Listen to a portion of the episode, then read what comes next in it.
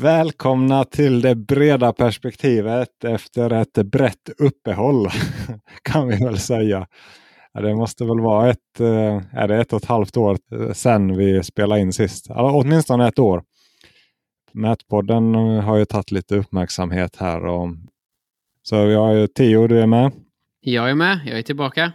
Back in business. Mm. Så det har ju varit lite annat. Jag, jag har ju fått barn så det, så det har tagit lite energi. Och, men jag vet inte, vi kände väl att det här hade varit roligt att återuppta breda perspektiv. Det är ju, det, vi har mer hardcore eh, fanbase här. Liksom. De är, ni som lyssnar, de är mer passionerade än på Mätpodden. Så måste, man, man, känner för ämnet mer. Så det har varit flera som har sagt att ja, men när kommer nästa avsnitt av breda perspektivet ut jag tänker att vi, vi gör det att vi pratar om olika ämnen som berör. Det är ingen, ingen high pressure eh, sak, men vi kan väl ha ett ämne.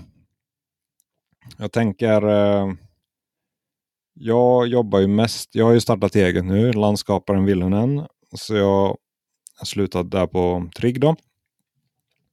Så jag gör väl, man kan väl säga kortfattat, jag gör markprojekteringar. Jag projar Framförallt om det är FFU, förädlar dem vidare till bygghandlingar för total entreprenad. Det kan man väl säga. Jag har gjort lite gestaltningar också, några enstaka sådär. Men projektering, så då blir det ju att man bearbetar med in, alltså man, man får ju underlag som man sen ska vidareförädla. Jag tänkte det, vad gör du Theo där? Eh, det är väl lite mot det ja. hållet? Ja, min, min roll på jobbet har väl övergått mer och mer i, i det du pratar om också.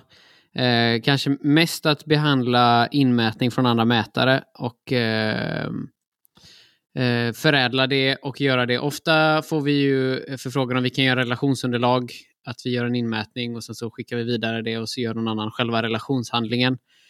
Så där, där hamnar jag ju många gånger i att jag ska sitta och kanske ibland även då redigera det som någon annan har mätt, eh, men sen också ta det från geo i det fallet då till, till CAD. Eh, och sen i många andra fall så får vi också underlag som vi ska bygga maskinstyrning på. Ehm, eller bara lägga upp i maskiner och sådär. Så det är väl det som min, mitt jobb har, har övergått mer och mer i. Än att vara ute i fält och mäta. Mm.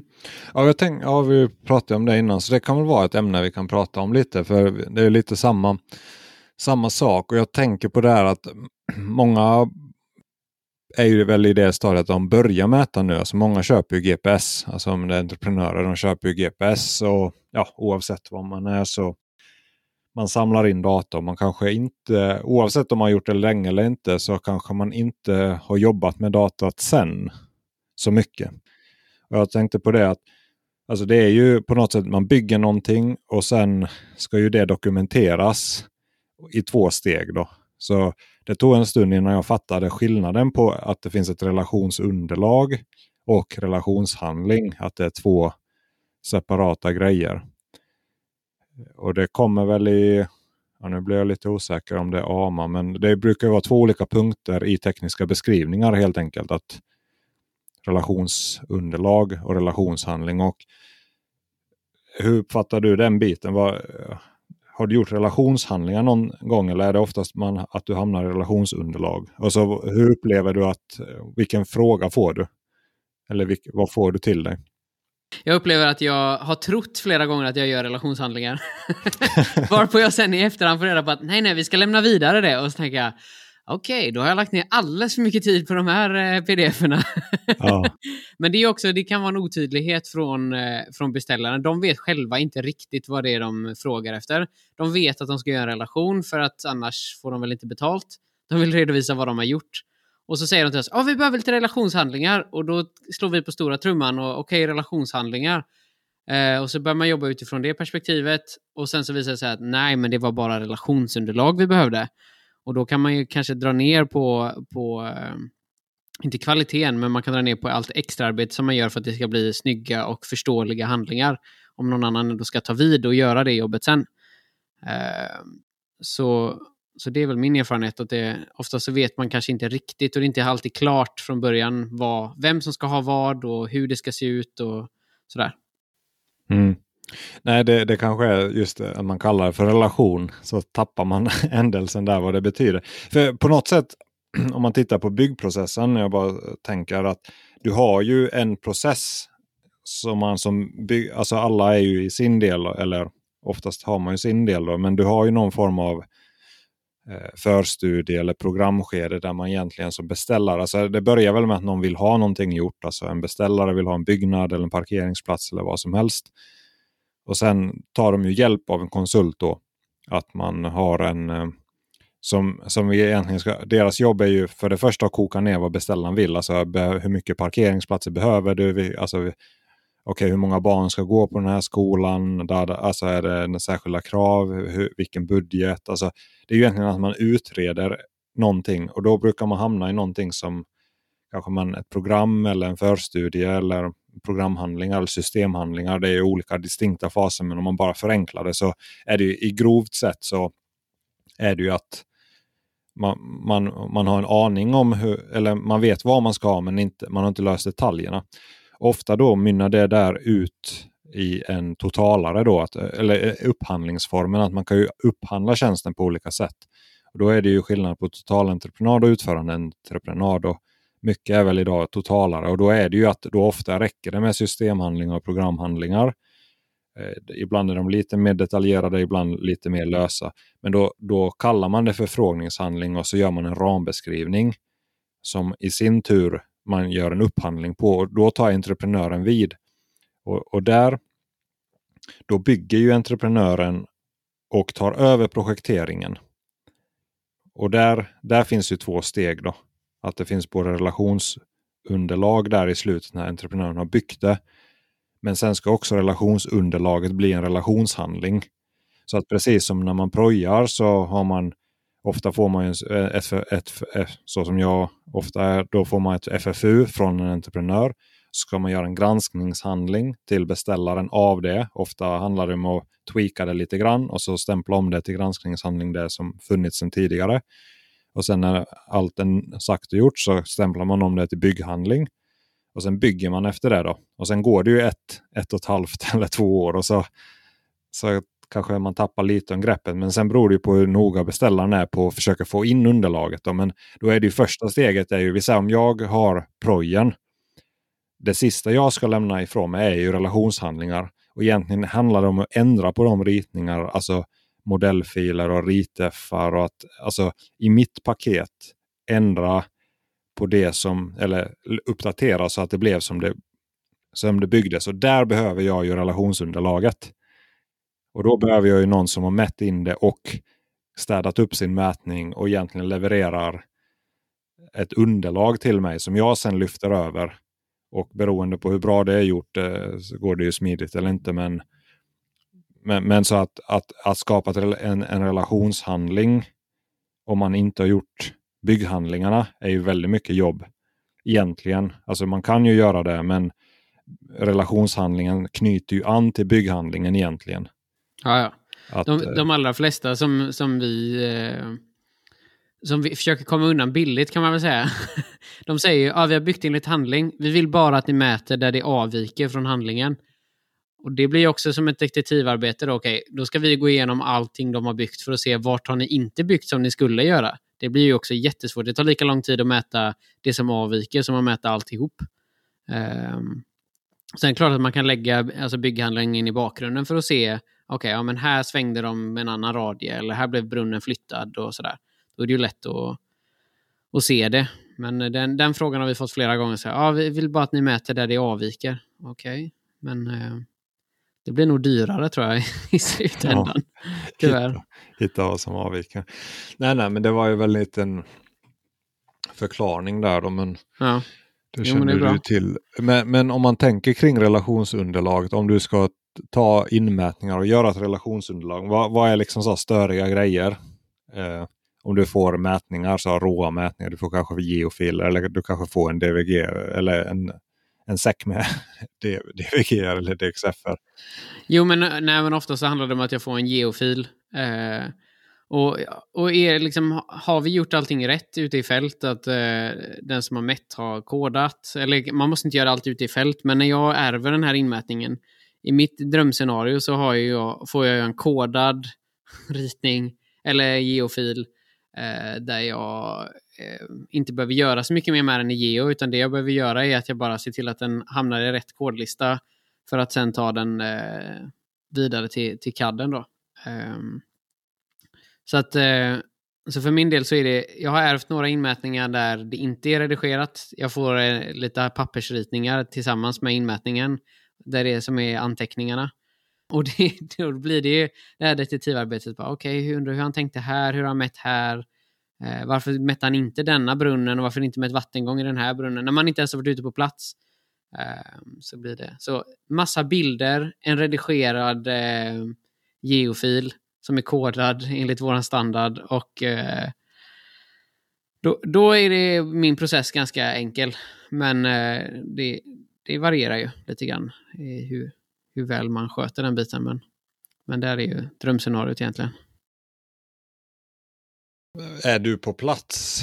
Alltså om du gör ett, bakar ihop det, är, har du varit där på plats liksom på vissa projekt överhuvudtaget? Eller får du bara det här underlaget då? Mm, precis, ja, det varierar ju. Vissa, vissa projekt så har jag varit där och mätt kanske själv eller jag har varit där och satt ut. Eh, eller så har man gjort maskinstyrningen och då är man ganska insatt i det. Så. Men eh, många gånger så har jag ju inte varit det. Utan då eh, är det bara att mina kollegor hinner inte sitta med CAD-biten för att den tar tid. Och då, då landar det på mig att, eh, att eh, ja, ta, det, ta det vidare då och plotta ritningarna och sen leverera till kund. Då. Så, eh, så det blir en slags uppdelning där. Jag vet inte hur mycket vi ska knyta an till Mätpodden, men du gjorde ju ganska många intressanta intervjuer där med, med ett annat företag där som hade, en, hade det uppdelat, att de hade fältarbetare och, och, ehm, och CAD, någon slags CAD-avdelning. Mm. Nej, jag tycker vi knyter an till det vi vill. Det är det som är Jo, men är eh, jag, ty jag, tyckte det var intressant också, för där det, det blir liksom så här, om det ska vara bred kompetens eller det ska vara spetskompetens. Och det känns ju som att det mer och mer blir att man har folk med spetskompetens, även fast man kanske ambitionen är att det ska vara bred kompetens och vi ska kunna mycket. Eh, men, men alla kan ju inte vara eh, schweiziska armerknivar. Utan, eh... Ja, men, men hur upplever du det nu när, okej, okay, du, du kanske knappt har din egen mätutrustning längre då? Nej, jag delar den med två andra. Så ja. det är vid behov. Ja. Som jag har. hur känns det att bli liksom den här modellbyggaren eller CAD-apan? Mm. Ja, alltså eh, eh, från, från min sida så var ju det lite grann ett önskemål att jag skulle kunna få bli bra på någonting. det kanske låter konstigt, men eh, man kände att man ville inrikta sig mer på ett, ett område och sen så kanske när man känner att man behärskar det bra, men då kan man ju bredda sig lite. Men det blir väldigt svårt att få lära sig alla bitarna när man ska göra allting samtidigt. Då, då tar allting väldigt lång tid istället. Så de som är ute och mäter är ju skitsnabba på det nu och, och vet precis hur de ska bygga sina nät och vart det är smart att slänga ut spikar. Och de har ju ett helt annat tänk eller ett annat synsätt på det. Men sen när de kommer in och sätter sig vid datorn, då är det bara uh, det är bara en stor suck och nej, nu kraschar det här igen och hur ska jag göra här? Och, du vet, då, och då, då är det där jag kommer in och, och bara, oh, det här, nu kan, det här kan jag. här känner jag mig hemma. Nej, men det, det är intressant. Alltså jag, jag gillar ju det. Alltså jag, jag, det är ju det. Jag vill ju vara på hemma, hemmakontoret. Jag vill jobba hemifrån med min dator. Alltså det är lite samma grej fast kanske inte mätning så lika mycket. Jag gör lite volymer och sådär. Men, men att det, det, det, det gör ju att man kan ha lite varierande jobb. Alltså så, som rent på det personliga planet så uppskattar jag just det här att man kan vara hemma och äta frukost med familjen och lunch och fika. Och alltså man får mycket närmare familjeförhållanden så på det sättet. Så, så det tycker jag är jättebra. Jo, det håller jag med det håller jag med sen, sen, är det ju en upskilling också. Alltså det är ju databehandling, som jag säger. Alltså det är ju det jag pratar om på mätborden eh, på sistone. Liksom. Det är ju en upskilling på något sätt. Att eh, ja, mäta, samla in data. Jag tror det, det går fort, den där automatiseringen. Alltså, punktmålen blir bättre. Jag bara tänker förr eller senare blir Jag vet inte om du sett den här Navis-skannen. Har ni haft den på jobbet? där visat? Det är ju sån man, man har. Det, man ser ut som en liten futuristisk robot. Alltså när man lyfter på en Ja, är det man går runt med på ryggen va? Ja, typ. inte bara på ryggen utan det, det är liksom en, både ovanför huvudet och på ah, bröstkorgen. Okay. Alltså, ah. de, de eh, syns rätt mycket på LinkedIn. De var på Entreprenad Live också. Jag pratade med dem. Så vi ska spela nog in någonting på Mätpodden om det där. Så smått. Men det är, ju, alltså det är ju en väldigt snabb mobil skanning kan man väl säga det.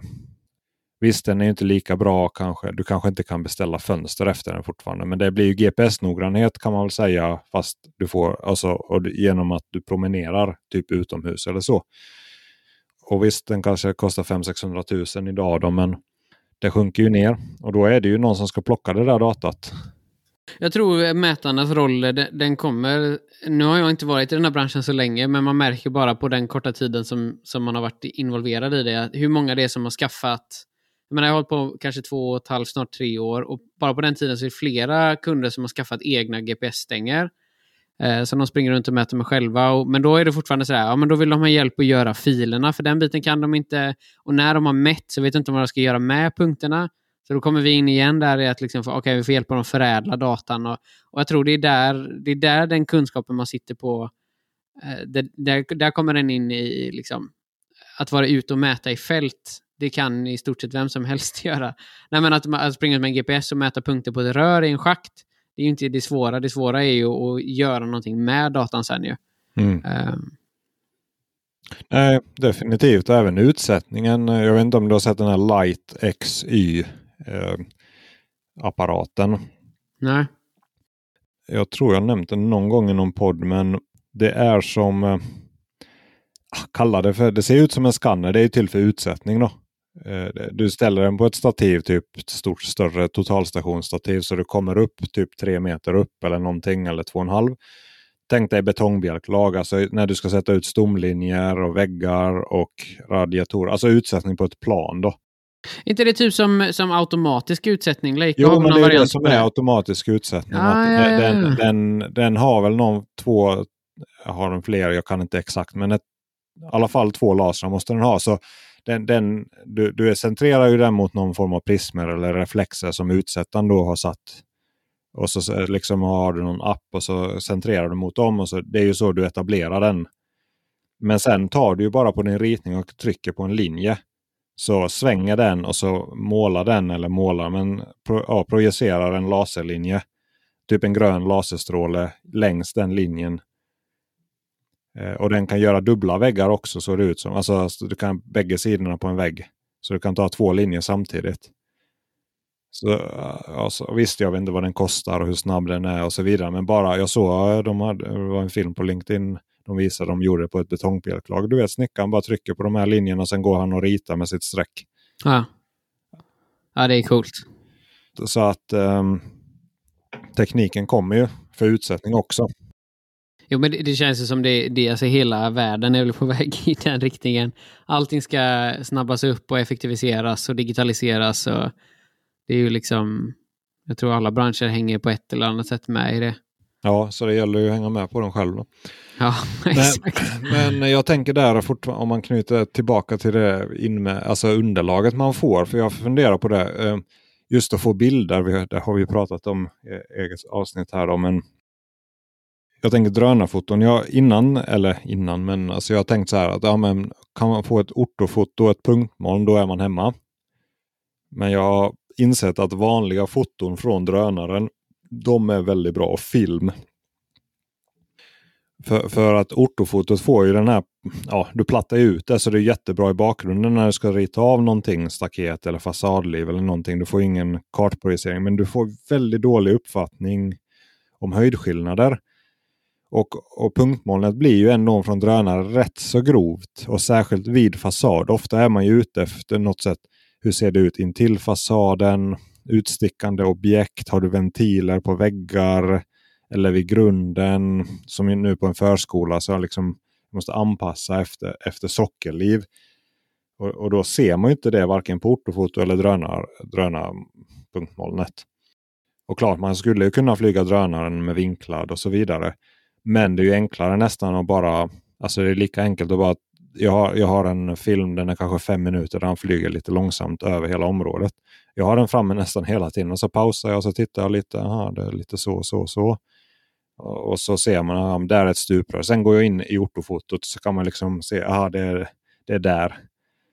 Och så liksom så, så det, det, tycker jag, det är, alltså när man väl flyger, att man inte bara tänker då ortofoto utan de, även de bilderna Alltså innan man genererar ett ortofoto tycker jag man ska leverera då. För de är ju högupplösta. Dels kan du zooma in väldigt kraftigt i dem eftersom det är ju också får du den här djupet. Alltså du får en tre, tredimensionell... Ja, du får en känsla när du ser ett foto. Okej, okay, hur, hur ser det ut? Och du kan zooma in och ta detaljer. Däremot är det viktigt om man får film. Det, det är någonting jag ska säga till han, min lilla, lilla kompis. Han, nej, han som samlar in datat. Att, att inte, alltså man, man har ingen... Att göra en 360-svängning med drönaren är ingen bra att spela in film på. För det blir suddigt. Alltså om du tänker dig att du för en kamera, man tänker att man panorerar, men då blir det direkt när man pausar filmen så blir den suddig.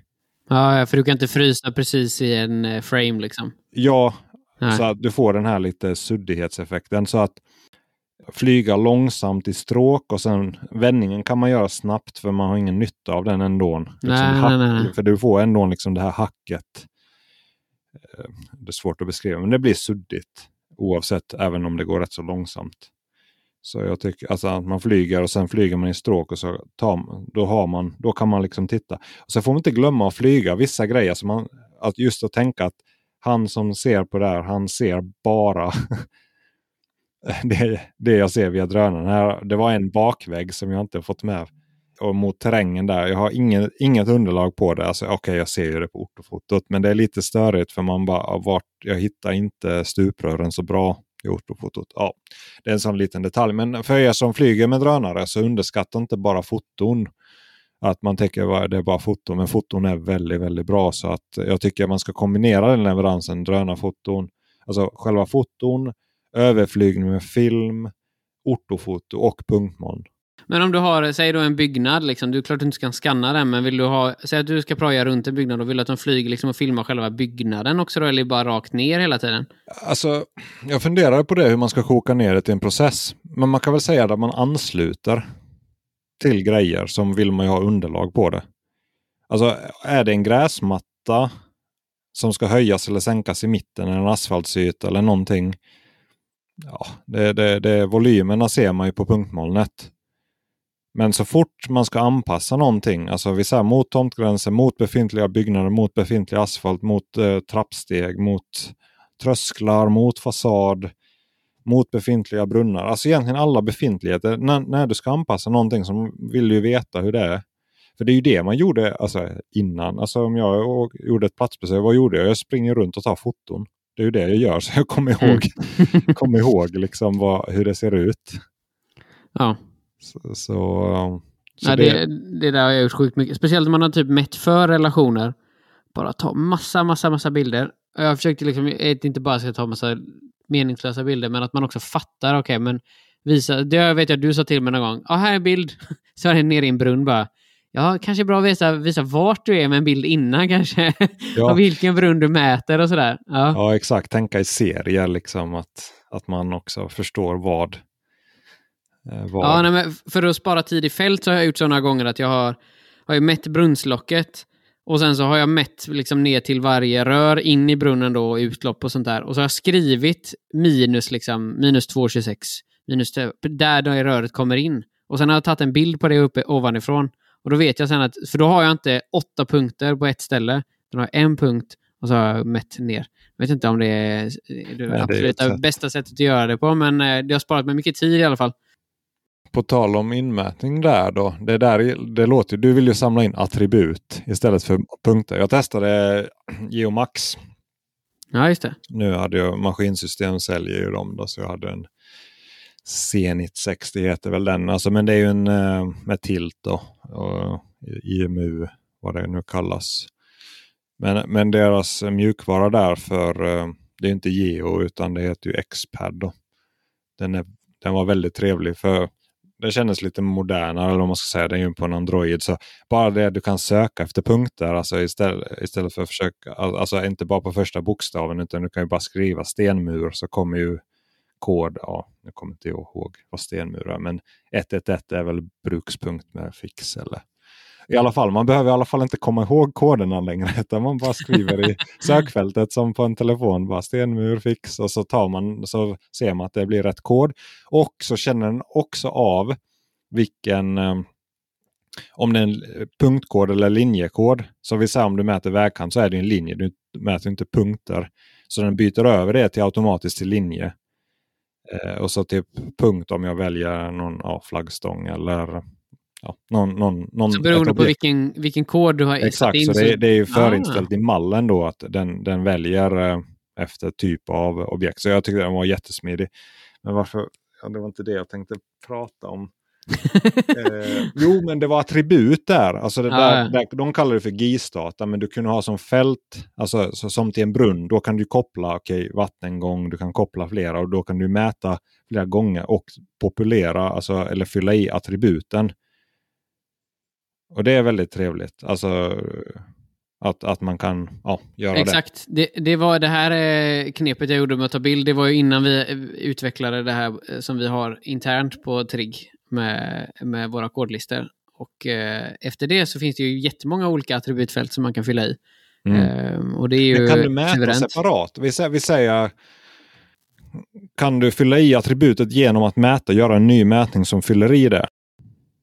Eller måste du skriva, skriva det manuellt? Vi säger, vi säger om du vill ha ett attribut för uh, bredden på din brunn. Kan ja. du liksom mäta två punkter på varsin kant och att du räknar ut bredden på, eller ja, cirka, diametern på brunnen och matar in det i attributfältet. Du, det där måste jag nog testa för innan jag vågar säga någonting. Jag tror inte det. Alltså, du har en punkt. Jag, tror att, jag tänker att Geopard funkar la, Är det inte så att du mäter en punkt och sen kan du mata in information? Men ja. alltså, jag vet inte om du kan göra en mätning som går in i, i fältet. Nej, för jag vet, vi mäter ju Icon nu då, Icon Field. Och där, du kan ju mäta i bågar och sådär, men jag vet inte hur attributen ser ut då. Det vågar jag inte svara på. Det har jag gjort för lite. Dist och CS. Ja, nu spånar vi om saker vi inte vet. Ja, ja. Men, men, men, det är i alla fall. Eh, jag tyckte jag såg det att CS, alltså Captivate Leikas, alltså den serien Captivate, alltså där kan du ha som, har inte CS20 en disto.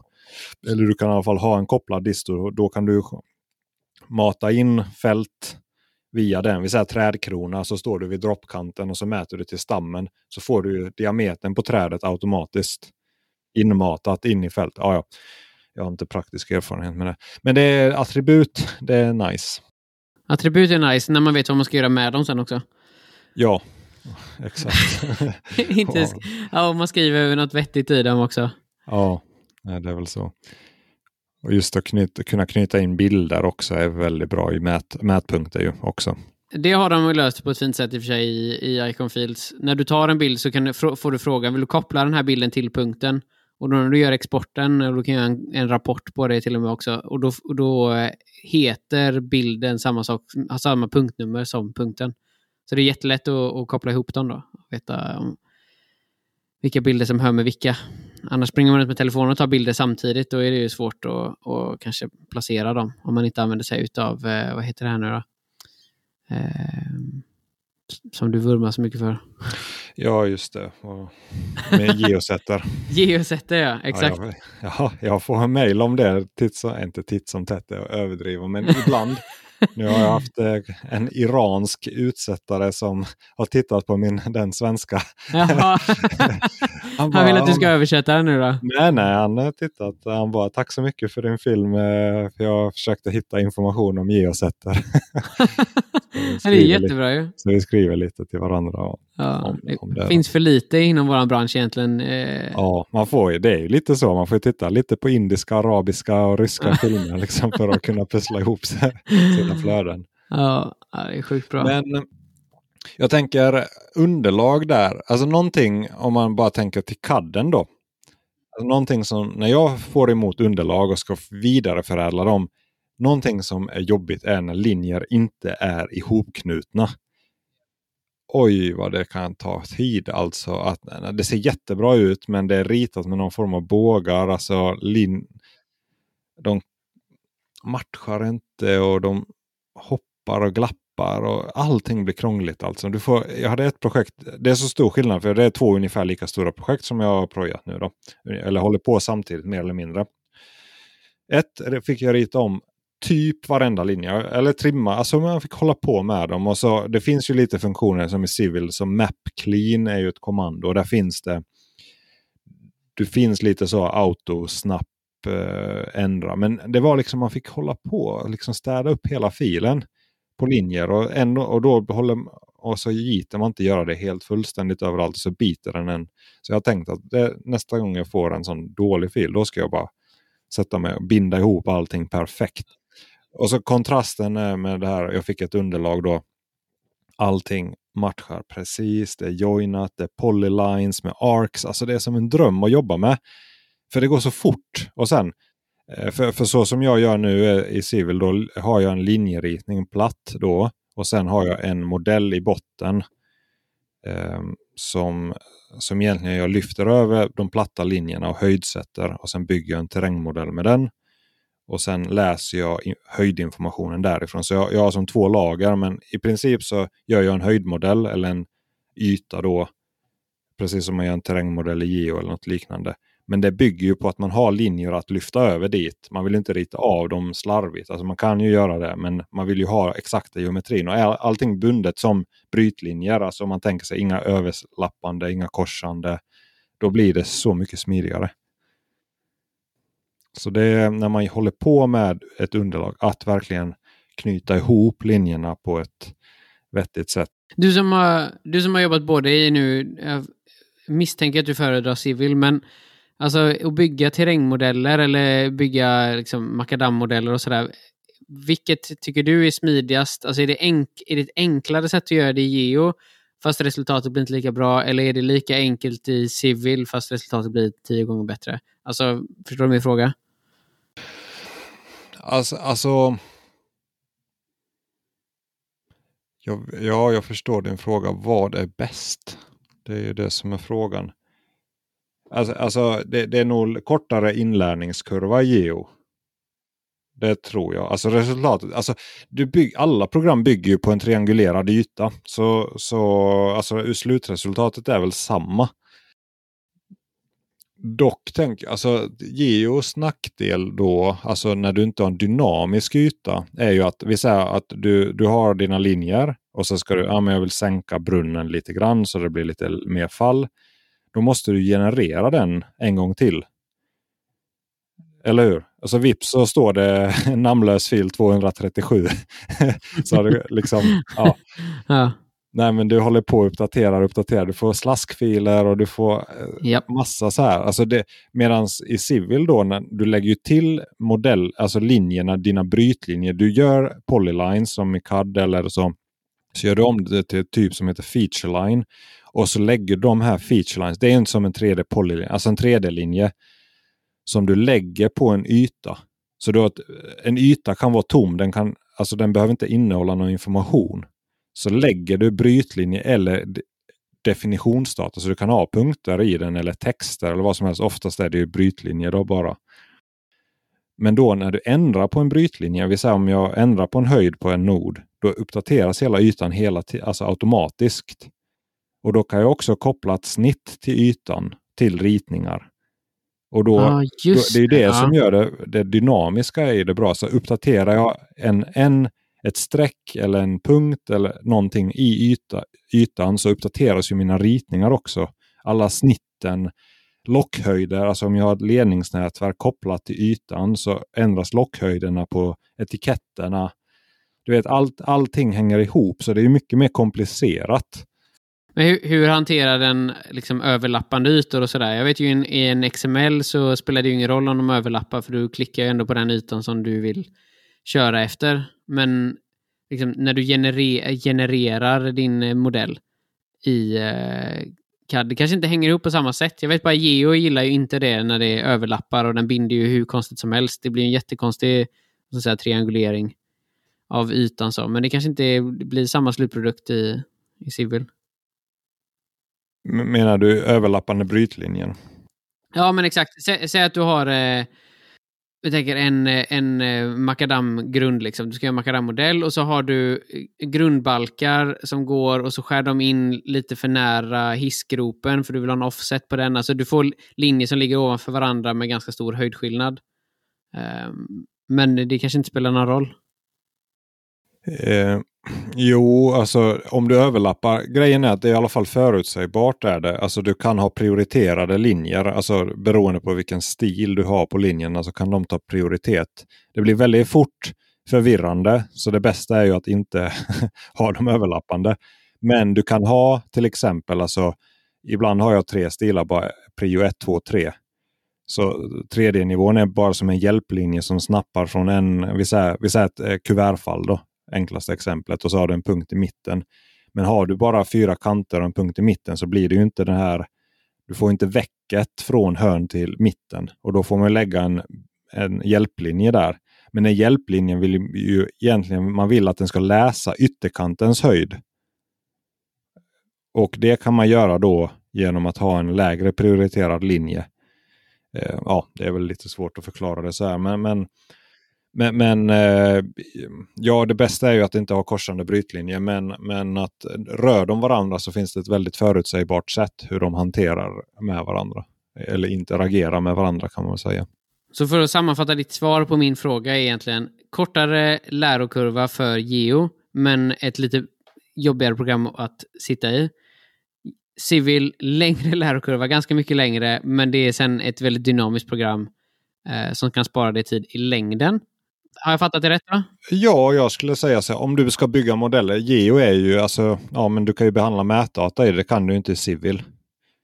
Så det, Civil är ju ett projekteringsverktyg medan eh, Geo är ett mätprogram som du också kan göra enklare projektering i. Så kan man väl säga. Och framförallt verktygen att manipulera linjer med. Jag tycker de, de är ju... Eh, Ja, vi säger om, om du har en lång linje och så vill du höjdsätta den från ena sidan till den andra. Då måste du typ ta bort höjder i mitten och så interpolera dem. Jag brukar jag wipar hela linjen. Jag tar eh, eh det sättpunktinformationsverktyget wipa höjden, ersätt och sen så släck. Så då finns det inga höjder på hela linjen. Och så sätter jag höjd, slut, start och sen interpolerar jag. Jo, men ja, det, det låter ju som 10-12 klick eller någonting. Nej, nej, nej, nej. Det är ett klick för att wipa den. För då försvinner alla höjderna på hela linjen. För du sätter ju samma höjd för hela linjen och då försvinner alla höjderna för hela linjen. Och sen sätter jag en höjd i, i starten och sen höjd i, i slutet. Är du med mig? Och sen måste du, ja, sen måste du högerklicka, interpolera. Sen högerklicka, interpolera höjder. Det kanske är sex klick. Ja, ja, det, kanske, ja det kanske inte är så många, men det... I och för sig, jag är civil och väljer, väljer min linje.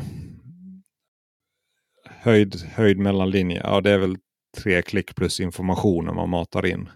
Ja, ja, så, men, men jag tycker sådana verktyg är, eh, det finns rätt så mycket verktyg. Vi säger om du vill ha två linjer och så vill du ha en höjd från en linje till en annan. Om du vill ha två, procents fall från en linje till en annan som inte är ihopkopplad. I geo tänker jag att då måste man räkna ut den höjden. Typ om du har en kantsten och sen har du en brunns, eh, brunn i mitten och så vill du ha 3 fall ner till brunnen från kantstenen ja, du kan ju rita en linje där också, alltså så räkna ut fallet så. Men vi säger, om du vet bara att du vill kasta över en höjd så kan du göra det. det och, det vi säger, och parallellförflytta höjder. Det finns rätt så många verktyg för att jobba med höjderna. Det är väl det som är också den stora fördelen. Jag tänker, ja, ja, jag ska, vi ska inte nöda in oss för mycket. Nej, nej, men det är det. Vi gör vad vi vill här. nej, men, men sen i slänte till exempel, alltså, för, alltså om du ska få en M på 2-slänt från en befintlig yta, eller från en projad yta så ansluta till befintlig mark. Det, där måste du göra, då måste du ju, eller har det kommit något har det ja, kommit något nytt? Jag tror inte det har kommit något nytt så. Uh... Men du måste ju offsätta en linje som, och sen generera en annan terrängmodell och sen generera en skärningslinje. Och sen ah, måste ja. du lägga den skärningslinjen på din befintliga, alltså ursprungliga. Och det, det, är så många klick alltså. Att lägga det mot befintligt, den är jobbig. Vi gjorde idag gjorde vi en slänt, så en på två slänt. Och då går det ju att offsätta linjen med en lutning. Och det, det är ju ganska smidigt. Det var det jag tänkte förut när du sa om brunnen där, att om en, eh, tre meter åt det hållet så vill man ha en brunn med, eller en meter med 3% fall. Du kan ju offsätta din höjd på kantstenen och sätta en lutning på den. Liksom. Och då så, men det är ju inte det, är inte det smidigaste sättet kanske att, att jobba på. Men alltså, med en grund och botten, du kan göra allt i geo, så är det ju. Alltså, det, det, det är inget konstigt faktiskt. Alltså, det, det, det är väldigt enkelt. Att det är logiskt hur man sätter höjder och så. Så vad ska man säga om det? Men dynamiskt, det blir mycket. Ska du ändra mycket och testa mycket så blir det väldigt många klipp. Eh, det, men sen är det ju väldigt bra om du ska läsa av information och skapa en yta. Det är ju lite så mätprogram funkar. Alltså om jag får säga om Gemini där då, så jag, kanske man, man tänker alltid gröna, gräset är grö, grönare på andra sidan där.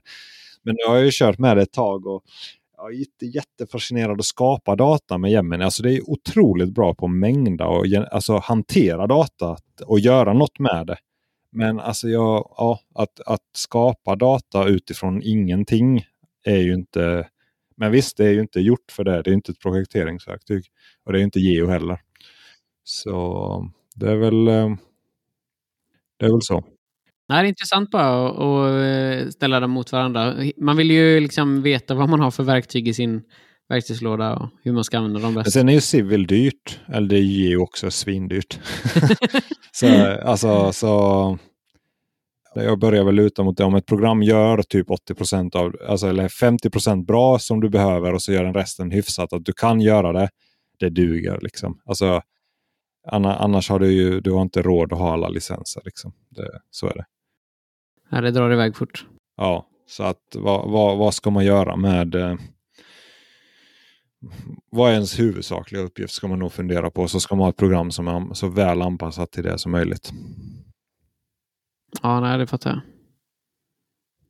Det är min nuvarande tanke i alla fall. Eller jobba på en stor firma där du kan ha alla licenser. Jobbar på en stor drake. ja. jag, jag fick ju ett mejl nu när vi pratar om eh, Geo. Här är ju, jag fick det 15 december 2021 så det är ju snart ett år sedan. Det kanske var då vi senast spelade in.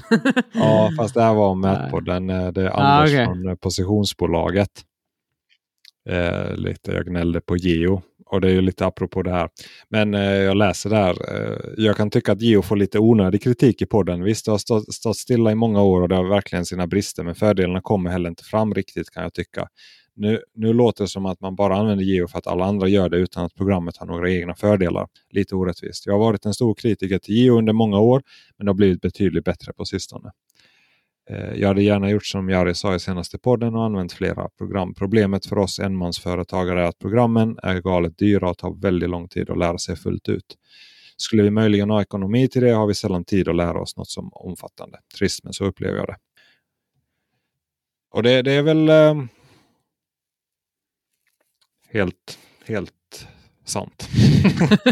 Ja, vad ska man säga om det? Ja, nej, det är sant. Nej, men det, det, vi, och så är det. Jag har, jag har varit lite gnällig på Geo, men det, det får man nog säga. Men det, det, är, det är bra på det det gör.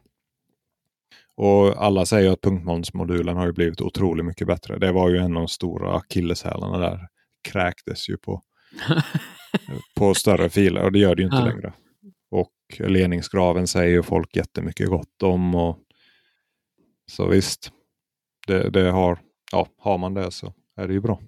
Det är som man säger, alltså, att kosta, det är ju inte bara licenskostnaden. Tänk vad mycket tid det tar att lära sig. Alltså, jag har hållit på med Civil i... Alltså först har jag hållit på med AutoCAD i av och till i tio år. Så jag kunde det hyfsat, alltså inte bra, men alltså ändå liksom var bekväm i AutoCAD så jag fattar ju CAD.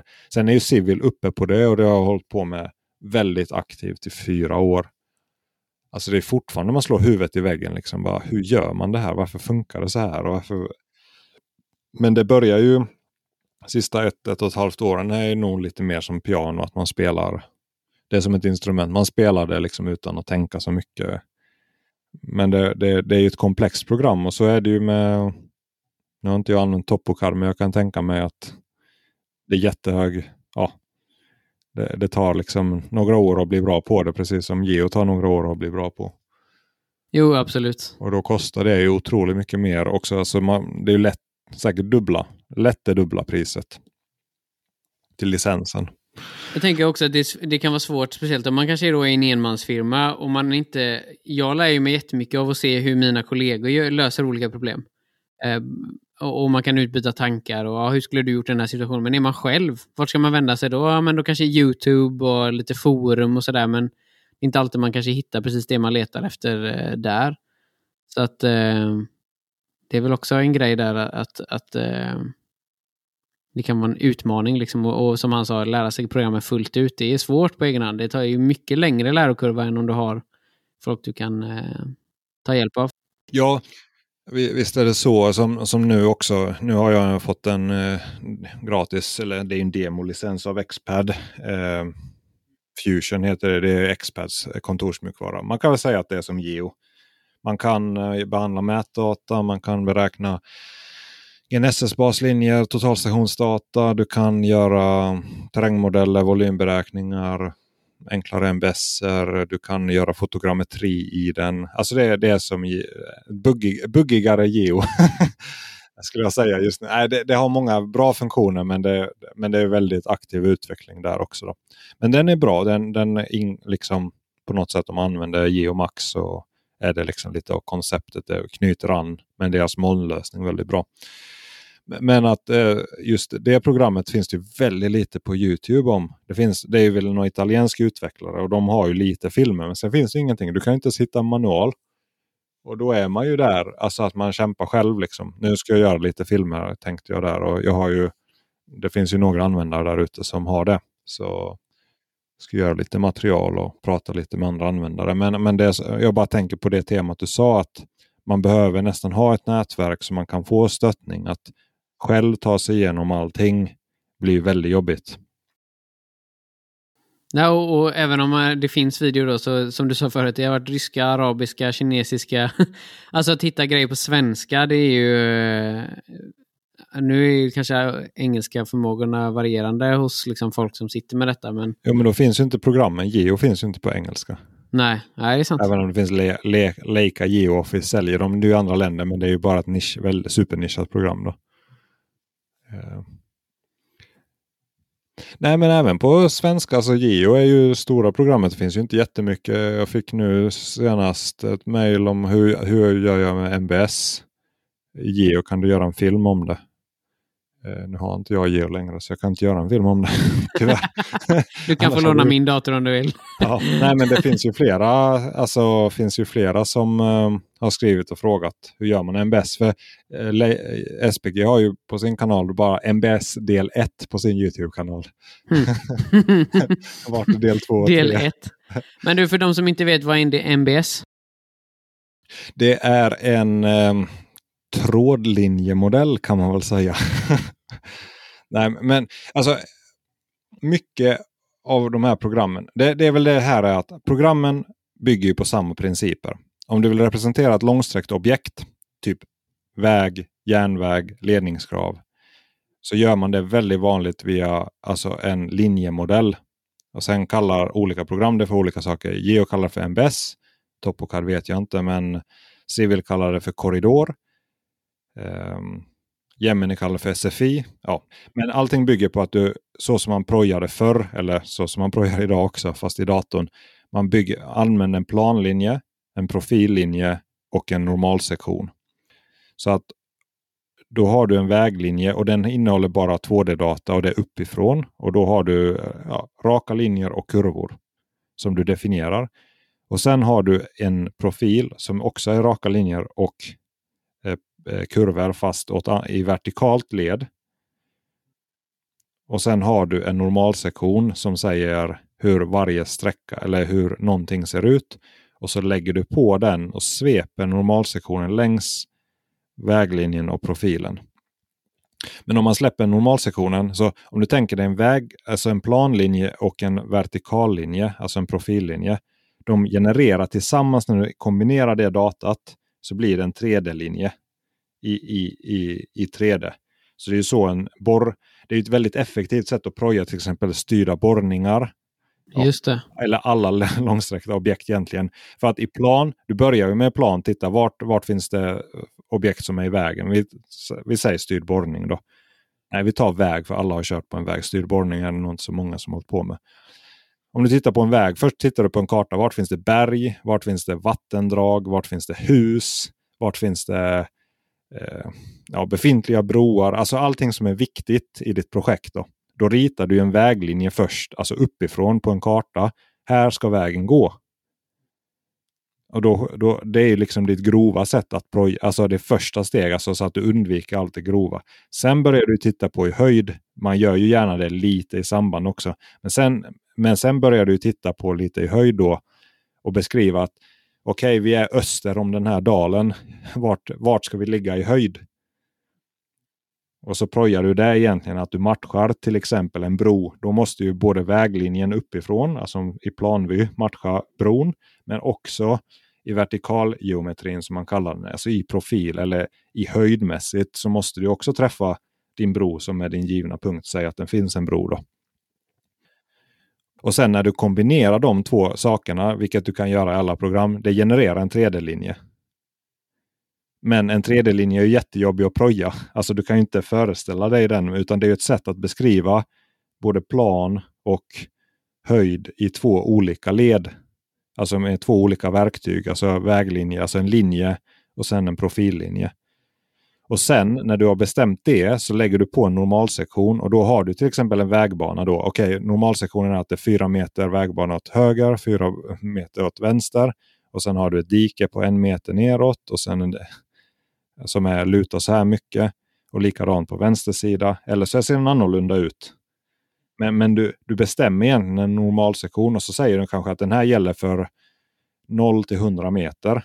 Eller så gäller den för hela sträckan. Eller så gäller den bara för 20 meter. För att det är någon specialanpassning. Vi säger att du har en lång äng, eller åker som du bygger om till väg. Då har du kanske samma normalsektion hela åkern för att det händer inte så mycket. Men så kommer du till en bergsskärning. Då måste du ha en annan normalsektion som visar att du, det blir mycket tajtare diken och mycket brantare Just det. Mm. skärningar. Då. Och, och då när du kombinerar alla de här tre sakerna, väglinje, profil och normalsektion, så får du en, en trådlinjemodell tror jag det kallas. Jag tror det kallas så. Men alltså du, du får egentligen massa linjer. Då genereras alla dina linjer i normalsektionen, typ väg mitt, vägkant, dikesbotten, dikeskrön, eh, anslutning till befintligheter.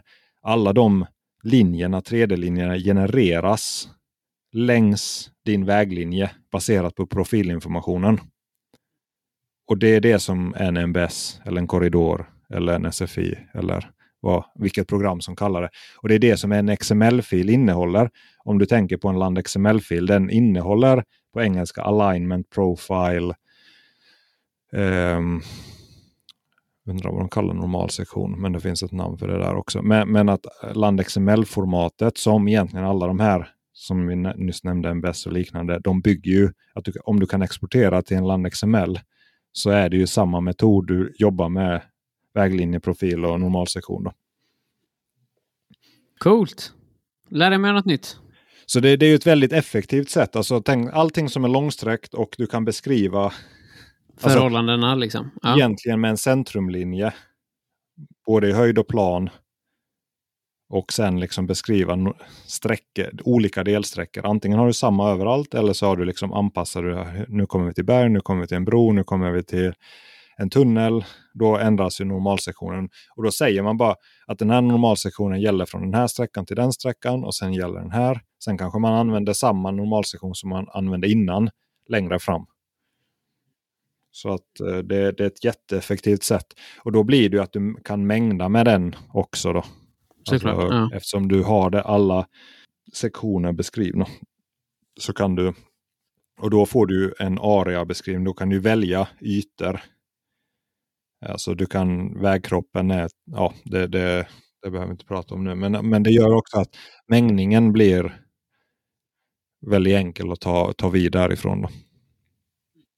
Vi kanske nästan får ägna ett helt avsnitt åt NBSR. När du har gjort dina instruktionsvideos där.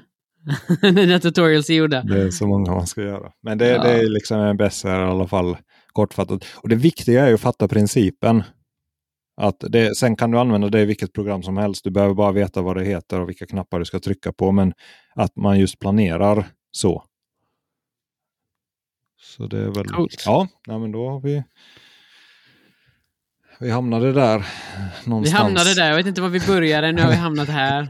Vi, vi pratar om insamlande möten. Men det är som, eh, vad heter den här, katastrof, väntan på katastrofen. Det blir vad det blir. Ja, jag känner på mig att jag är Kalle då och du är Patrik.